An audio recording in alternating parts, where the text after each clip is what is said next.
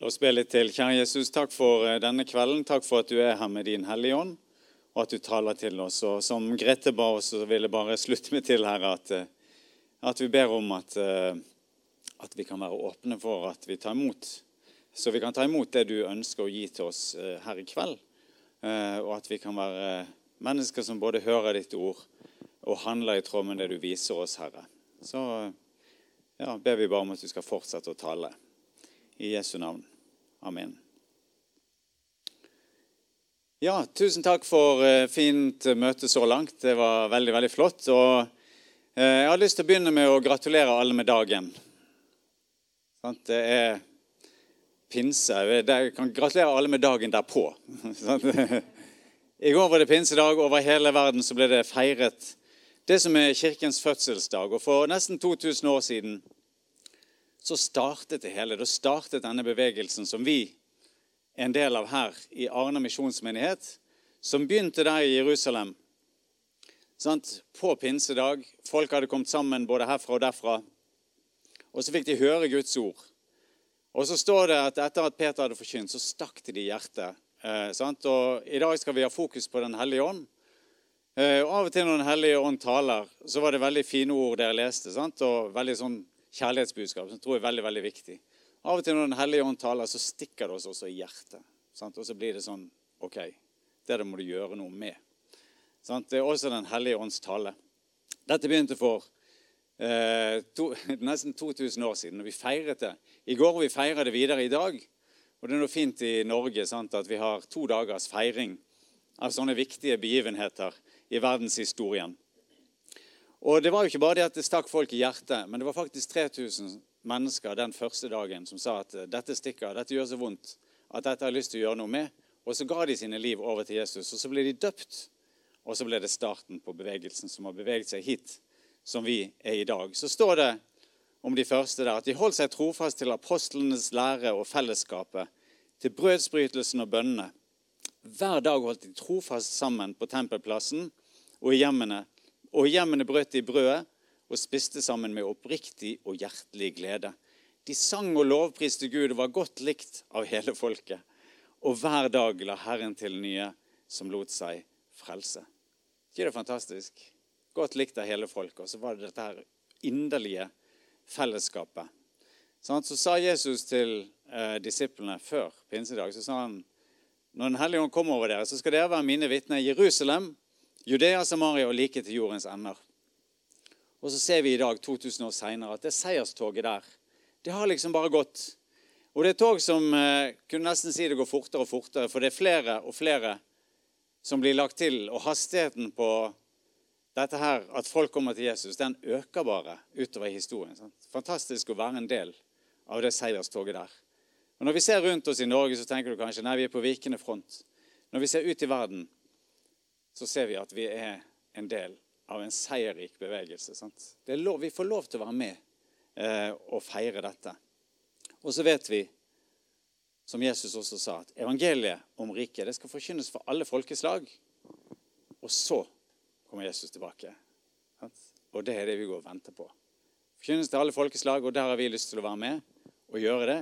Og så kommer Jesus tilbake, og så skal vi få være med Temaet i kveld det er, passer godt med pinse. sant? Det er 'Jeg tror på Den hellige ånd'. Jeg tror på Den hellige ånd. og Det er en fin eh, trosbekjennelse. Jeg tror på Den hellige ånd.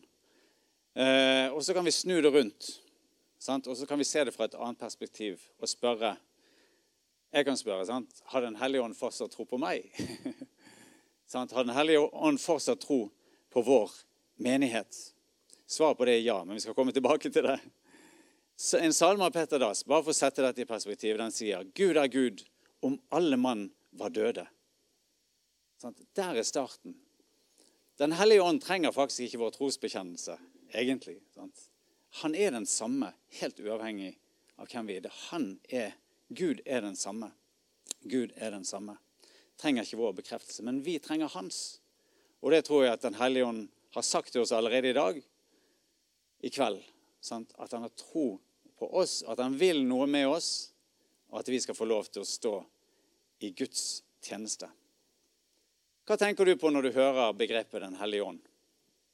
hva er de første ordene som kommer til deg? Nå kan du, trenger ikke si det høyt. Men hva er det første du tenker på? Veldig mange de tenker på det ekstraordinære. Sånn de tenker på tungetallet, og så tenker de på profetier. Det der som er skjult for menneskene, og som bare åpenbares gjennom Den hellige ånd inn i de enkeltes liv. Og Bibelen sier at Den hellige ånd den er som vinden. sant? Eh, og Det bildet er veldig godt for oss, fordi at vinden kan vi ikke se, men vi kan se virkningen av den. sant? Og Derfor så fokuserer vi kanskje på de mest spektakulære virkningene av Den hellige ånd. Så sier vi sånn er Den hellige ånd. Men jeg har lyst til at i kveld så skal vi ha et litt videre perspektiv Den hellige ånd. Skal vi se mer av fylden eh, i Den hellige ånds arbeid, og kanskje kan det være med å skape noen nye tanker og sette oss også, gi oss frihet til å se på mye av det som vi står i, eh, som en åndelig tjeneste. Da skal vi lese, og nå kan jeg slå opp i Bibelen sant, på, skal vi lese det som skjedde på pinsedag, da Ånden ble gitt. Apostlenes gjerninger, kapittel 2, eh, fra vers 1 til 21. Der står det Da pinsedagen kom, var alle samlet på ett sted. Plutselig lød det fra himmelen som når en kraftig vind blåser, og lyden fylte hele huset hvor de satt. Tunger som av ild viste seg for dem, delte seg og satte seg på hver enkelt av dem. Da ble de alle fylt av Den hellige ånd, og de begynte å tale på andre språk ettersom ånden ga dem å forkynne. I Jerusalem bodde det fromme jøder fra alle folkeslag under himmelen. En stor folkemengde stimlet sammen da de hørte denne lyden, og det ble stor forvirring, for hver enkelt hørte sitt eget tungemål, sitt eget morsmål bli talt. Forskrekket og forundret spurte de, er det ikke galileere alle disse som taler? Hvordan kan, være, kan da hver enkelt av oss høre sitt eget morsmål? Vi er partere og medere og elamitter, folk som bor i Mesopotamia, Judea og Kappadokia, i Pontos og Asia, Frygia og Pamphylia, i Egypt og i Libya-området mot Kyrene, og innflyttere fra Roma, jøder og proselytter, kretere og arabere. Og vi hører dem tale om Guds storverk på våre egne tungemål. De visste ikke hva de skulle tro, og forvirret spurte de hverandre. Hva er dette for noe? Men noen gjorde narr av dem og sa, de har drukket seg fulle på søt vin. Da steg Peter fram sammen med de elleve. Han hevet stemmen og talte til dem. Jødiske menn og alle dere som bor i Jerusalem, merk dere hva jeg sier, og lytt nøye til mine ord. Disse menneskene er ikke fulle slik dere tror. Det er jo bare den tredje time på dagen. Men her skjer det som er sagt gjennom profeten Joel. I de siste dager skal det skje, sier Gud, at jeg øser ut min ånd over alle mennesker. Deres sønner og døtre skal profetere. De unge skal se syn, og de gamle skal drømme drømmer. Selv over mine slaver og slavekvinner vil jeg i de dager øse ut min ånd og de skal tale profetisk. Jeg setter varsler oppe på himmelen og tegn nede på jorden, blod og ild og røykskyer. Solen skal forvandles til mørke og månen til blod, før Herrens dag kommer, den store og strålende. Men hver den som påkaller Herrens navn, skal bli frelst. Så Peter her, når han begynner talen sin, så Eh, så tar han opp eh, sant, fra Gamle testamentet, profeten Joel, som eh, en tekst som var skrevet ned flere hundre år tidligere. Og som egentlig var noe som jødene gikk og ventet på, sant, at dette skulle skje. Og så sier han nå skjer det. Nå startes en ny periode. Nå startes den perioden som vi venter på, der Guds ånd øses ut over alle mennesker. Sant? Guds ånd blir gitt til alle, til hver og en. Og så får mange høre Guds ord forkynt på sitt eget tungemål. Og det er jo noe fantastisk. Snakker, jeg snakker ikke så veldig mange språk. Jeg snakker norsk og, og engelsk og aserbajdsjansk. snakket vi tidligere. Jeg har bedt Gud mange ganger når noen taler i tunge, så vær så snill å la de tale på aserbajdsjansk. da skal jeg komme med tydningen. sant? Det blir liksom eh, det store. Sant? Tenk å få høre det. Det hadde vært så utrolig, utrolig flott. Men her eh, på pinsedag så er det folk fra mange mange forskjellige steder. Vi vet ikke alle språkene som de talte. det er ikke klart.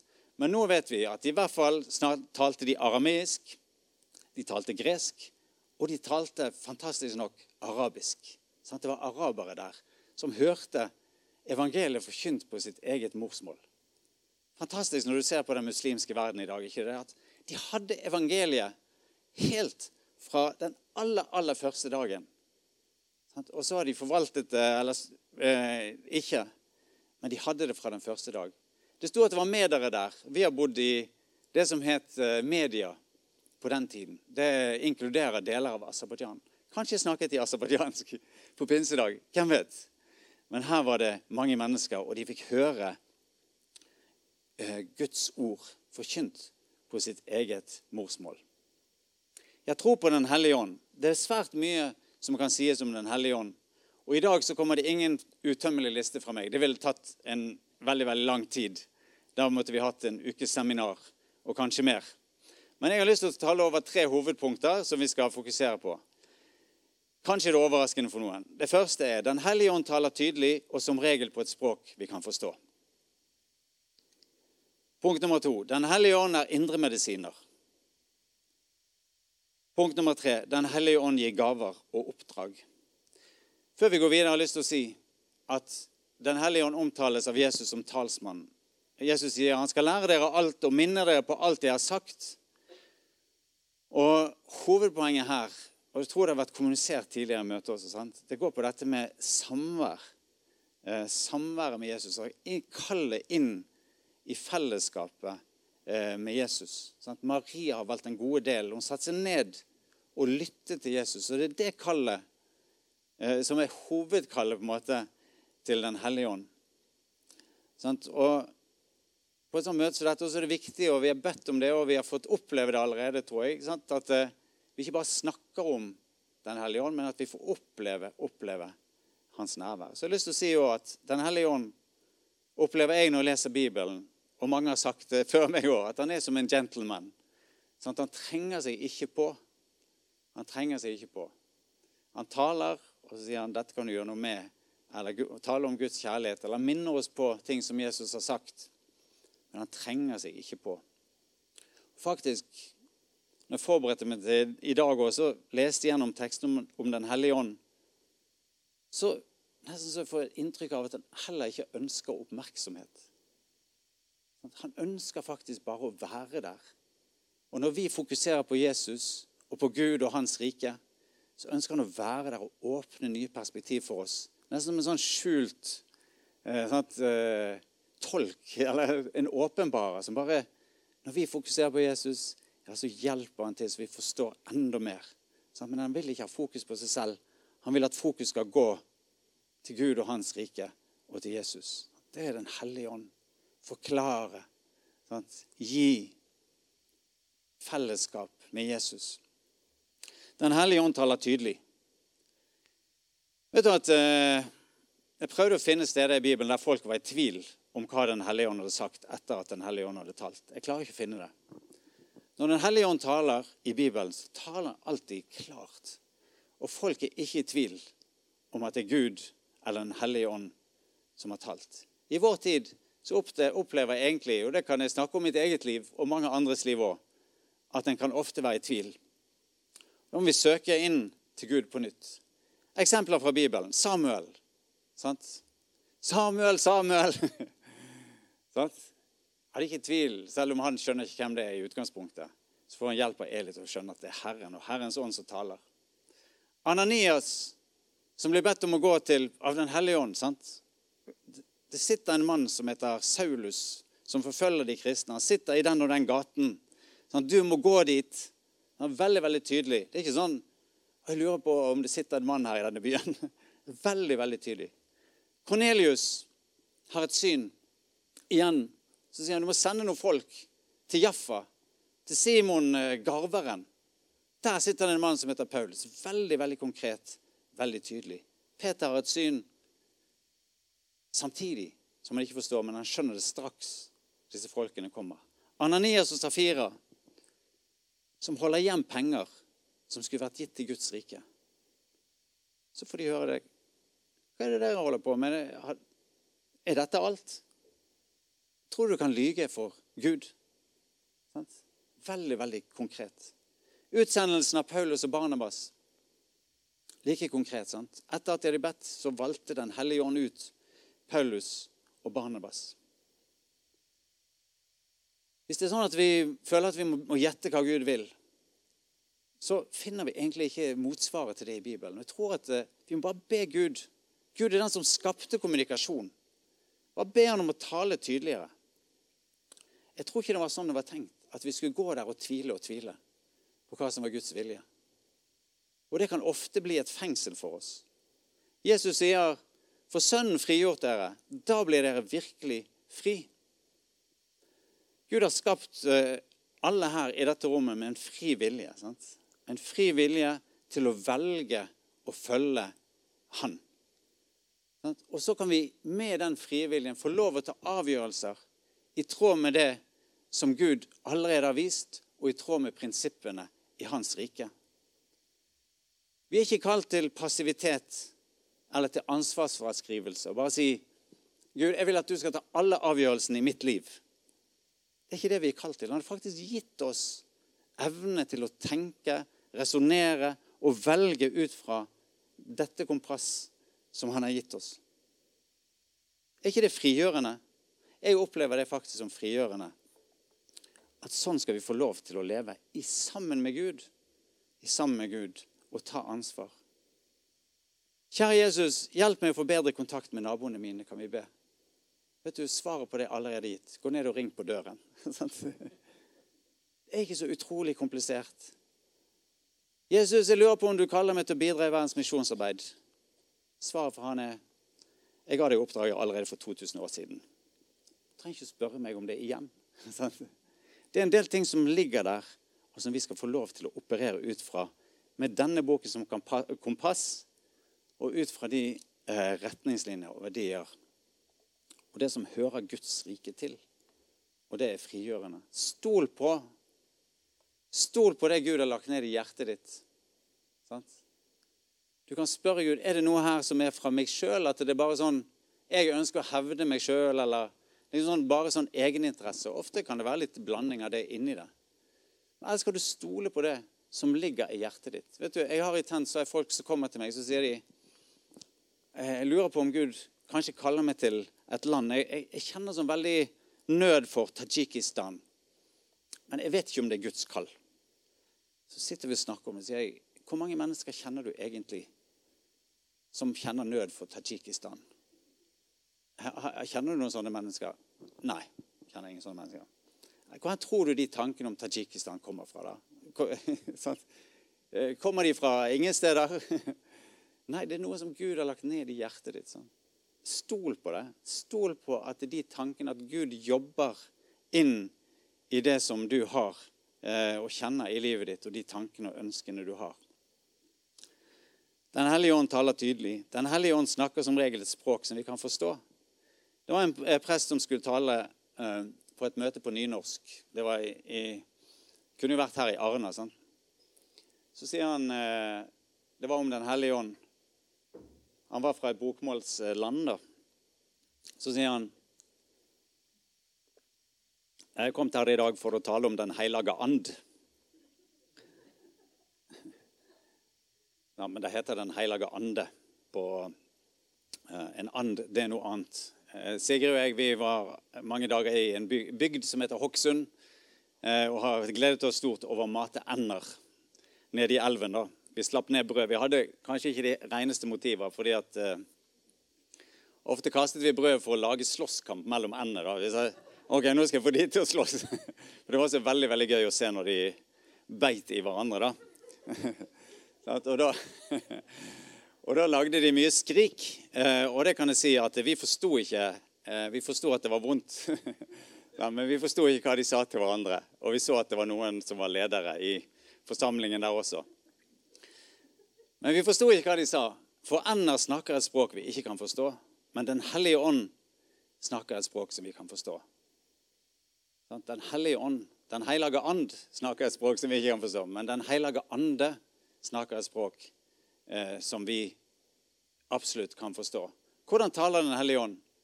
Vet du at eh, jeg tror at mange av dere er budbærere for Den hellige ånd uten å være klar over det. For dere taler inn i andre folks liv. Jeg har fått tilbakemelding på det selv. At det du sa der og da, det betydde veldig mye for meg. Det ga en ny retning i noe. Den hellige ånd taler gjennom andre. Den hellige ånd taler gjennom Bibelen. Sant? Minner oss på alt det som Jesus har sagt.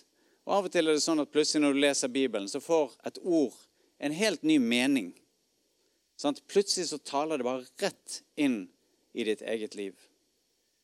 Den hellige ånd taler gjennom tanker som du får.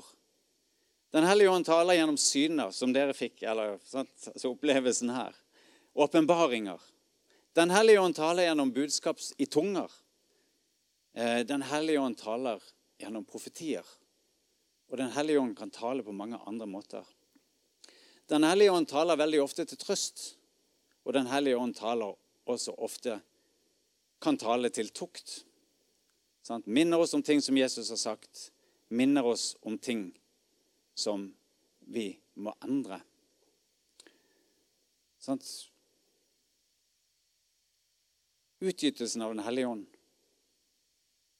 er knyttet til at vi synger om det der. Gi oss mer av Din hellige ånd, på en måte. sant? Det rare er å se at utgytelsen av Den hellige ånd i Bibelen er knyttet veldig sterkt opp til å holde Guds bud. Johannes 14. Dersom dere elsker meg, holder dere mine bud. Og jeg vil be min far, og han skal gi dere en annen talsmann, som skal være hos dere for alltid. Sannhetens ånd, som verden ikke kan ta imot. Ikke interessant at det der er egentlig det der med kjærlighet også. Den som elsker meg, holder mine bud. Kjærlighet til Jesus og disiplin, altså inn mot budene. Den hellige ånd og det å holde budene henger veldig nøye sammen i, i Bibelen. Så blir det veldig konkret, sant? og Jesus utfordrer oss eh, kanskje der vi har eh, trenger det som aller mest. Den rike unge mannen fikk beskjed om gå bort og selg alt du eier, og gi til de fattige. Så kan du komme og følge meg. Der hadde han sin utfordring. Det var det som bandt han i livet. Som gjorde at han mistet friheten. Han var bundet av rikdommen. Kvinnen ved Sykars som var nevnt her tidligere i, kveld, ber om å få levende vann. Så sier Jesus, 'Du har hatt fem menn.' Sånn, Gå og hent mannen din, sier han først. Og så sier hun, 'Jeg har ingen mann.' Og så sier han, 'Du har hatt fem menn, og den mannen du har nå, er ikke din mann.' Og så får hun høre sannheten om livet sitt. Og i det så opplever hun at hun får det levende vann som Jesus som hun ba om å få. Sant? Fordi at sannheten setter fri. Sannheten setter fri. Guds bud kan overbevise om synd. Og så får sannheten satt oss fri. Så kan Gud utøse sin ånd. Den hellige ånd virker både så vi skjønner dette, og virker eh, til overgivelse. Det kan være veldig veldig konkret. Og en ting jeg har lyst til å si at når eh, Guds motstander, Satan, taler til oss, så er det Eh, nesten aldri konkret. Det er bare sånn generelt. Du duger ikke. sant? Du duger ikke. Det du holder på med, det har ingen betydning. Nei, Se på det der greiene. Altså, hvem tror du du er? Sant? Du skal, du stå frem som en åndelig leder? Se på hva du holder på med. Du duger ikke. Mens Den hellige ånd taler på en annen måte. Han sier det der, det må du faktisk ta tak i. Sant? Og så peker han akkurat på det som du, holder på, uh, som du må gjøre, gjøre noe med. Og det kan være veldig veldig konkret. Jeg kan ta ett eksempel fra mitt eget liv. Jeg var på et eh, teltmakerkurs for flere år siden. Eh, så på den tiden så var jeg litt sånn veldig Egentlig brydde meg ikke om å betale regninger i tide. Det var bare sånn, Jeg lot det bare ligge, liksom. Selv om de var gått ut på dato, så lot de bare ligge. Betale, bare seinere. Det var min holdning. Og Så kom jeg på teltmakerkurset, så husker jeg en afrikaner, en fra Uganda som kommer til meg eh, Kurset går fra onsdag til eh, søndag. Så sier han eh, Det er ganske lang vei hjem til meg, og jeg glemte den regningen for dette kurset hjemme. Eh, og jeg vet at den forfaller i morgen, fredag. Eh, kunne, kunne jeg bedt deg om å skrive ut en kopi? Hvis ikke så kan jeg reise helt hjem og hente den, sånn at jeg er sikker på at pengene blir betalt i tide. Og når han står der og taler til meg, så kjenner jeg bare dette er Den hellige ånd som taler inn i mitt liv. taler inn i mitt liv. Dette, Steinar, dette må du ordne opp i. Her må du endre atferd. Og så ble det noe som jeg måtte ta tak i. Og sånn taler Den hellige ånd. Gjør noe med dette. Et kall til oppgjør. Sant? Gud er lys. Dette er en hellig ånd. Sant? En hellig ånd. Adskilt sant? fra alt det der som har med synd å gjøre. Gud er lys, og det finnes ikke mørke i han. Nettopp derfor så kaller Den hellige ånd til oppgjør og til nåde. Den hellige ånd taler tydelig, han taler på et språk som vi forstår. Den hellige ånd er indremedisiner. Når vi underviser om kultur, så sier vi at uh, det ytre lag det er handlinger. Det neste laget er verdier. Og handlingene dine bygger på verdiene dine. Men verdiene dine bygger også på noe, og det er det aller innerste laget. Og det er verdensbildet. Det er hvordan du tenker at alt er skrudd sammen. I en menighet som dette og i en familie så er det alltid noen som er lydige. Sant? På det ytre plan. Sant? De endrer sine handlinger i tråd med lovene og reglene for den familien. Men Jesu mål med oss er faktisk, faktisk ikke å endre våre handlinger. Det er ikke hans primære mål. Sånn, Fariseerne, som ofte kommer dårlig ut i Bibelen, de var eksperter på å endre handling uten at noe skjedde lenger innover i systemet, sant? med verdier og med hjerte. Så sier Jesus til dem Dere er jo, der er jo ormeyngel. Sa jeg sikkert mye, mye på en annen måte. Men ormyngel, Han kalte de ormyngel, og så kalte han de hvitkalkete graver. Sant? Fine utenpå, men råtne inni. Det er ikke det Jesus De rette handlingene, det betyr egentlig ingenting. Vi må lenger inn enn som så. Jesus sier dersom ikke deres rettferdighet langt overgår de skriftlærdes og fariseernes, kommer dere aldri inn i himmelriket. Så sier han det er ikke det som kommer inn i munnen som gjør mennesket urent, men det som går ut av munnen, det gjør mennesket urent. Jesu mål er faktisk heller ikke å endre våre verdier. Men Jesus og Den hellige ånd ønsker å være indremedisiner og gå helt inn på hjerteplanet. Endre verdensbildet, selve hjertet. Esekiel 36, der står det Jeg gir dere et nytt hjerte, og en ny ånd gir jeg inn i dere. Jeg tar steinhjertet ut av kroppen deres og gir dere et kjøtthjerte isteden. Jeg gir min ånd i dere og gjør at dere følger forskriftene mine, holder lovene mine og lever etter dem. Sant? Da kommer plutselig motivasjonen innifra. Det er ikke sånn kan jeg få lov til det eller kan jeg ikke få lov til det. Men motivasjonen kommer innifra. Jeg har min glede i å følge Guds lov. Sant? Det er jo ingenting jeg heller vil fordi at jeg eh, vil følge Jesus. Der når Jesus får tatt, og Den hellige ånd får tatt denne hjerteoperasjonen, da er det at vi kan si eh, med Paulus For meg er livet Kristus og døden en vinning. Sant? Da erkjenner vi at alt vi har, det har vi fått fra Gud. Så kan vi si ja og amen når Jesus kaller til etterfølgelse og sier Således kan ingen være min disippel uten at han oppgir alt han eier. Så bare sier vi takk og lov, der skal vi få lov til å stå. Det er mange frukter av at eh, hjertet ikke er blitt nytt. Galaterne skriver om hor, umoral, utskeielser, avgudsdyrkelse, trolldom, fiendskap. Kanskje ikke så mange som kjenner seg igjen i det, men vi kan kjenne oss igjen i det som kommer etterpå. Strid, sjalusi, sinne, selvhevdelse, stridigheter, splittelser, misunnelse, fyll, festing og mer av samme slag. Og Dette kaller Den hellige ånd oss til å ta et oppgjør med. Bekymringer i tillegg, som den, eh, Bibelen kaller oss til å la være å bekymre oss. Så sier Galaterne 5.22 isteden åndens frukt. Og det er frukten som kommer når hjertet er blitt nytt. er kjærlighet, glede, fred, overbærenhet, vennlighet, godhet, trofasthet, ydmykhet selvbeherskelse. Det er åndens frukt. Så kan vi ta til oss det. Vite at med det nye hjertet så er det dette som kommer til å prege mitt liv. Kjærlighet, glede, fred, overbærenhet, vennlighet, godhet, trofasthet, ydmykhet og selvbeherskelse. Den hellige ånd er indremedisiner. Den hellige ånd gir gaver og oppdrag. Profetien i dag den var fra Joel. Det ble skrevet mellom 900 år og 400 år eh, før Kristus. Og Så leser Paulus dette og forteller om Så ser vi Den hellige ånd i virke. Og den første frukt av Den hellige ånd på pinsedag, hva er det for noe? Hva er det? Jo, det er at de begynner å tale på språk som de ikke kunne fra før. Så folk kan forstå det de sier. Det er det ene. Og det andre er frimodighet. Husk at bare noen minutter tidligere så hadde disse disiplene sittet innestengt av frykt for jødene inne på et rom. Og Nå står de plutselig fram og så taler de til store folkemengder der det må ha vært mer enn 3000. For sikkert ikke alle som kjente at det stakk i hjertet. Sånn, tungetale og frimodighet. Og Her har jeg lyst til at vi skal tenke vidt om de nådegavene, altså gaver som Gud har gitt i nåde.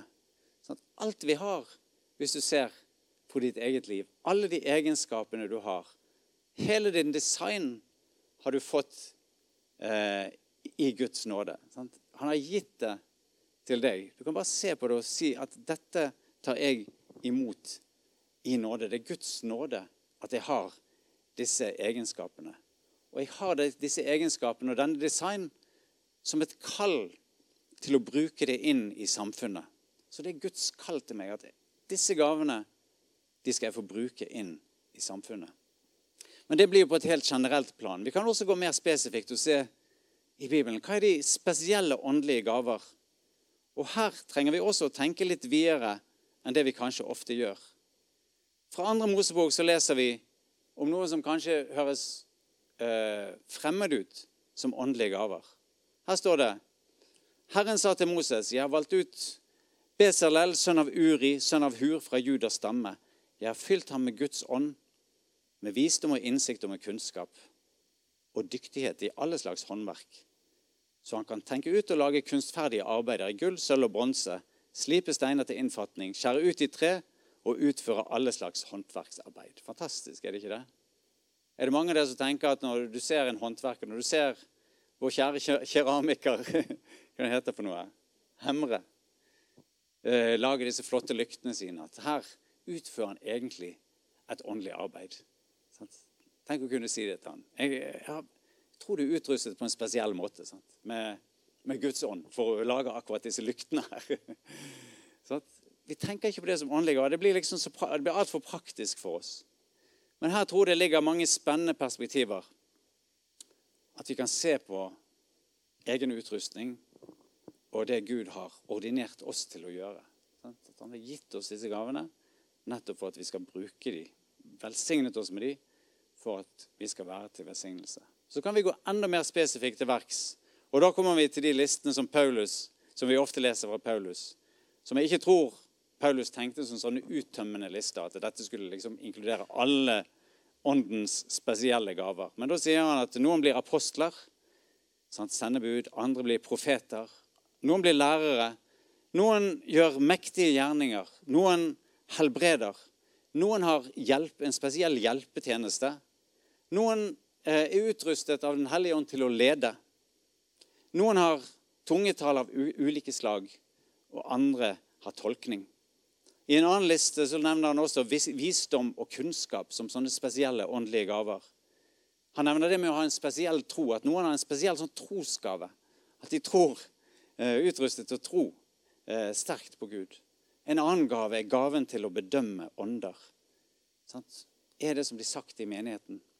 Er det som blir formidlet her, er det etter Gud, eller er det ikke det?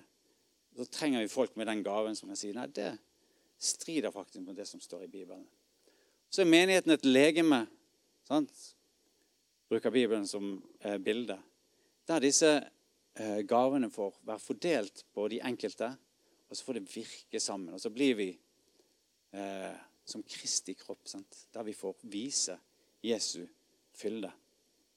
Normaltilstanden i en menighet det er at alle disse gavene er i funksjon til enhver tid. Det er det som er normaltilstand. Så der kan vi, Nå sitter vi i lederskapet selv, og så kan vi kan spørre oss sant? Eh, Terje som pastor og spørre oss ser vi disse gavene i funksjon. Eh, det er det som er normaltilstand. Eller gjør vi det ikke? Og Hvis ikke, så må vi ta tak i det og, eh, og se om vi kan eh, finne fram og finne tak i det igjen. Jesus sier disse tegn skal følge de som tror. I mitt navn skal de drive ut onde ånder. De skal tale nye tungemål, og de skal ta slanger i hendene. Om de drikker dødelig gift, skal det ikke skade dem. Og når de legger hendene på syke, skal de bli friske. Skriver igjen normaltilstanden i enhver menighet. Og så står det ikke de troende skal følge disse tegn. At vi skal løpe dit som vi ser disse tegnene i virksomhet. Men det står motsatt. Disse tegn skal følge de som tror. Få det inn i menighetslivet. Til slutt I eh, Nytestamentet og i Gamle testament så er det ofte en sammenheng, det er ofte en sammenheng mellom de feiringene og de høytidene vi markerer i, i, eh, i den kristne kirke i dag, og det som hadde sitt motsvar i den gamle pakt. Det er en sammenheng der. Sånn vi kjenner påsken med utvandringen fra Egypt. Og så vet vi at nettopp Jesus' soningsverk sånt, det gir oss mulighet til å vandre sånn, sammen med han og legge måte, vårt syndige liv bak oss, og så vandre sammen med Jesus inn i det nye livet. Utvandringen eh, fra Egypt. Det samme med pinse. Hva var det som ble feiret i pinsen i den gamle pakt? Jo, det var eh, faktisk eh, kornhøsten. Den første kornhøsten. Sant? Da hadde de en sånn ukefest der de feiret at nå er det innhøstingstid. Seinere ble det også en feiring av at, eh, at, at eh, israelsfolket hadde fått Guds lov på Sinai-fjellet. Så her igjen så går liksom dette med innhøsting og lov det går side om side. Lov og evangelium. Sant? Så får vi se at i den nye tid, i den nye pakt, så det er nettopp innhøstingen som får stå i fokus i pinsen. Sant? Fordi at 3000 eh, ble lagt til menigheten. Folkeslagene fikk høre evangeliet på sitt eget språk. Det var en utgytelse av Den hellige ånd til velsignelse for de kristne, så de skulle få være eh, til velsignelse for andre. En innhøstingstid er satt i gang. Ordet ble menneske og tok bolig blant oss, står det i Johannes 1. I The Message står det ordet ble kjøtt og blod og flyttet inn i nabolaget vårt. Ordet ble kjøtt og blod og flyttet inn på arbeidsplassene våre. Inn i alle nabolag og på alle arbeidsplasser over hele verden skal ordet, Den hellige ånd som bor i hver og enkelt her, skal få flytte inn sammen med oss som er bærere av Den hellige ånd. Og så får det komme konkrete uttrykk. og Denne listen har jeg gitt før, men jeg skal gi den igjen. Fordi at Den hellige ånd skaper et veldig konkret uttrykk. Og denne listen er fra en bok som heter 'Monday Morning Atheist'. Altså å være ateist mandag morgen. Sant? Fordi at vi hadde fint i kirken. I dag er det mandag, men det er helligdag. Uh, denne uken blir det tirsdag morgen. Sant? Uh, fint, vi det fint i kirken, men det er vanskelig å ta med seg troen inn i nabolaget og gi det et konkret uttrykk. Og her er det som er kallet fra denne boken i dag. Be for tre kollegaer eller naboer. Sant? Kan du gjøre det? Den hellige ånd sant? konkret uttrykt i at du ber for minimum tre kolleger eller tre naboer. Begynn dagen din hos Gud. Søk Gud som det første du gjør om morgenen. Følg bibelske standarder i liv og arbeid. Sant? Når samfunnet flyter, så sier likevel Den hellige ånd til oss dette er min standard, som du er kalt til å følge. Slutt å klage. Sant? Bryt den der sirkelen av klaging. Det er alltid mye å klage på, men det er også veldig mye fint å fokusere på. Og som kristne og etterfølgere av Jesus så er vi kalt til å bryte denne sirkelen av klaging. Og jeg tror Den hellige ånd er ikke en som klager. Bruk Den hellige ånd som bor i deg. Gå, gå den annen mil. Når noen gjør noe mot deg som du ikke liker, når noen tar noe fra deg som du ikke liker, så gi de noe ekstra. Det er det det handler om. sant? Er det noen som tok ære for noe du har gjort, så gi de bare mer ære. Eh, vær sikker på at jeg kommer tilbake igjen en annen gang. Dyrk fram takknemlighet. sant? Bare dyrk fram takknemligheten. Vær sein med å bli sint. Det er listen. Be for tre kollegaer. Begynn dagen hos Gud. Følg bibelske standarder i liv og arbeid. Slutt å klage. Gå den annen mil. Dyrk fram takknemlighet. Vær sein med å bli sint. All tjeneste som vi nevnte i begynnelsen, starter ved Jesu føtter i fellesskap med Han. Derfra springer livet ut. Der endres verdensbildet vårt. Der skapes det visjoner eller drømmer, som det står på pysjen din, Elisabeth. Sant? Det var veldig fint det i dag. drømmer. Her viser Gud oss hva det vil si i det konkrete liv å leve ut. Vise Den hellige ånd som bor i oss. Her er det vi erkjenner at tyven, som Bibelen taler om, han kommer bare for å drepe, stjele og ødelegge. Men Jesus har kommet for at du skal ha liv og overflod. Hos Jesus ligger livets fylde, og i samvær med Han og i oppdraget der Han er med oss. Der får vi virkelig kjenne at livet eh, pulserer. Skal vi be? Kjære Jesus, takk for eh, denne kvelden. Takk for det vi har fått dele, Herre. Takk for at du utøste Din Hellige Ånd til eh, så mange, til apostlene først, Herre, og så til mange andre eh, etter pinsedag. Takk for at det klargjorde evangeliet for mennesker som kom fra ulike kanter av verden, Herre. Så ber vi om at eh, vi må forstå i den tjenesten at uh, nå gjennom Din Hellige Ånd at evangeliet blir tydelig for menneskene rundt oss. Du ser hvordan det kan få et konkret uttrykk, og vi ber bare om at du viser oss det, Herre. Så vet vi at Den hellige ånd kaller oss til Han kommer med trøst og, og tukt, Herre. At han forteller oss også ting som er imot din vilje i våre liv, som vi må ta et oppgjør med. Og at du ønsker hellighet fordi at du vet at det setter oss fri. Å kunne legge vekk det som står imot din vilje. Og vi ber, Herre, hvis du har talt til oss om det her i kveld, at vi skal ta et oppgjør med det og ta, snakke med noen. Bare få høre at vi er tilgitt. Eh, etter Jesu Kristi ord befaling at vi er tilgitt, Herre. At vi kan reise oss og gå ut uten den synd som har tynget oss. Så ber vi om at Din Hellige Ånd bare skal få velsigne oss, Herre. Velsigne oss på en sånn måte med de ulike gavene. Skal fortsette å tale til oss, velsigne oss med de ulike gavene på en sånn måte at vi blir velsignet, og at vi får være til velsignelse, Herre, der vi er i vår hverdag. Kjære Jesus, vi ber om at vi får være en menighet som viser hvem du er, på en tydelig måte. Både som enkeltmennesker og som fellesskap. I Jesu navn ber vi. Amen.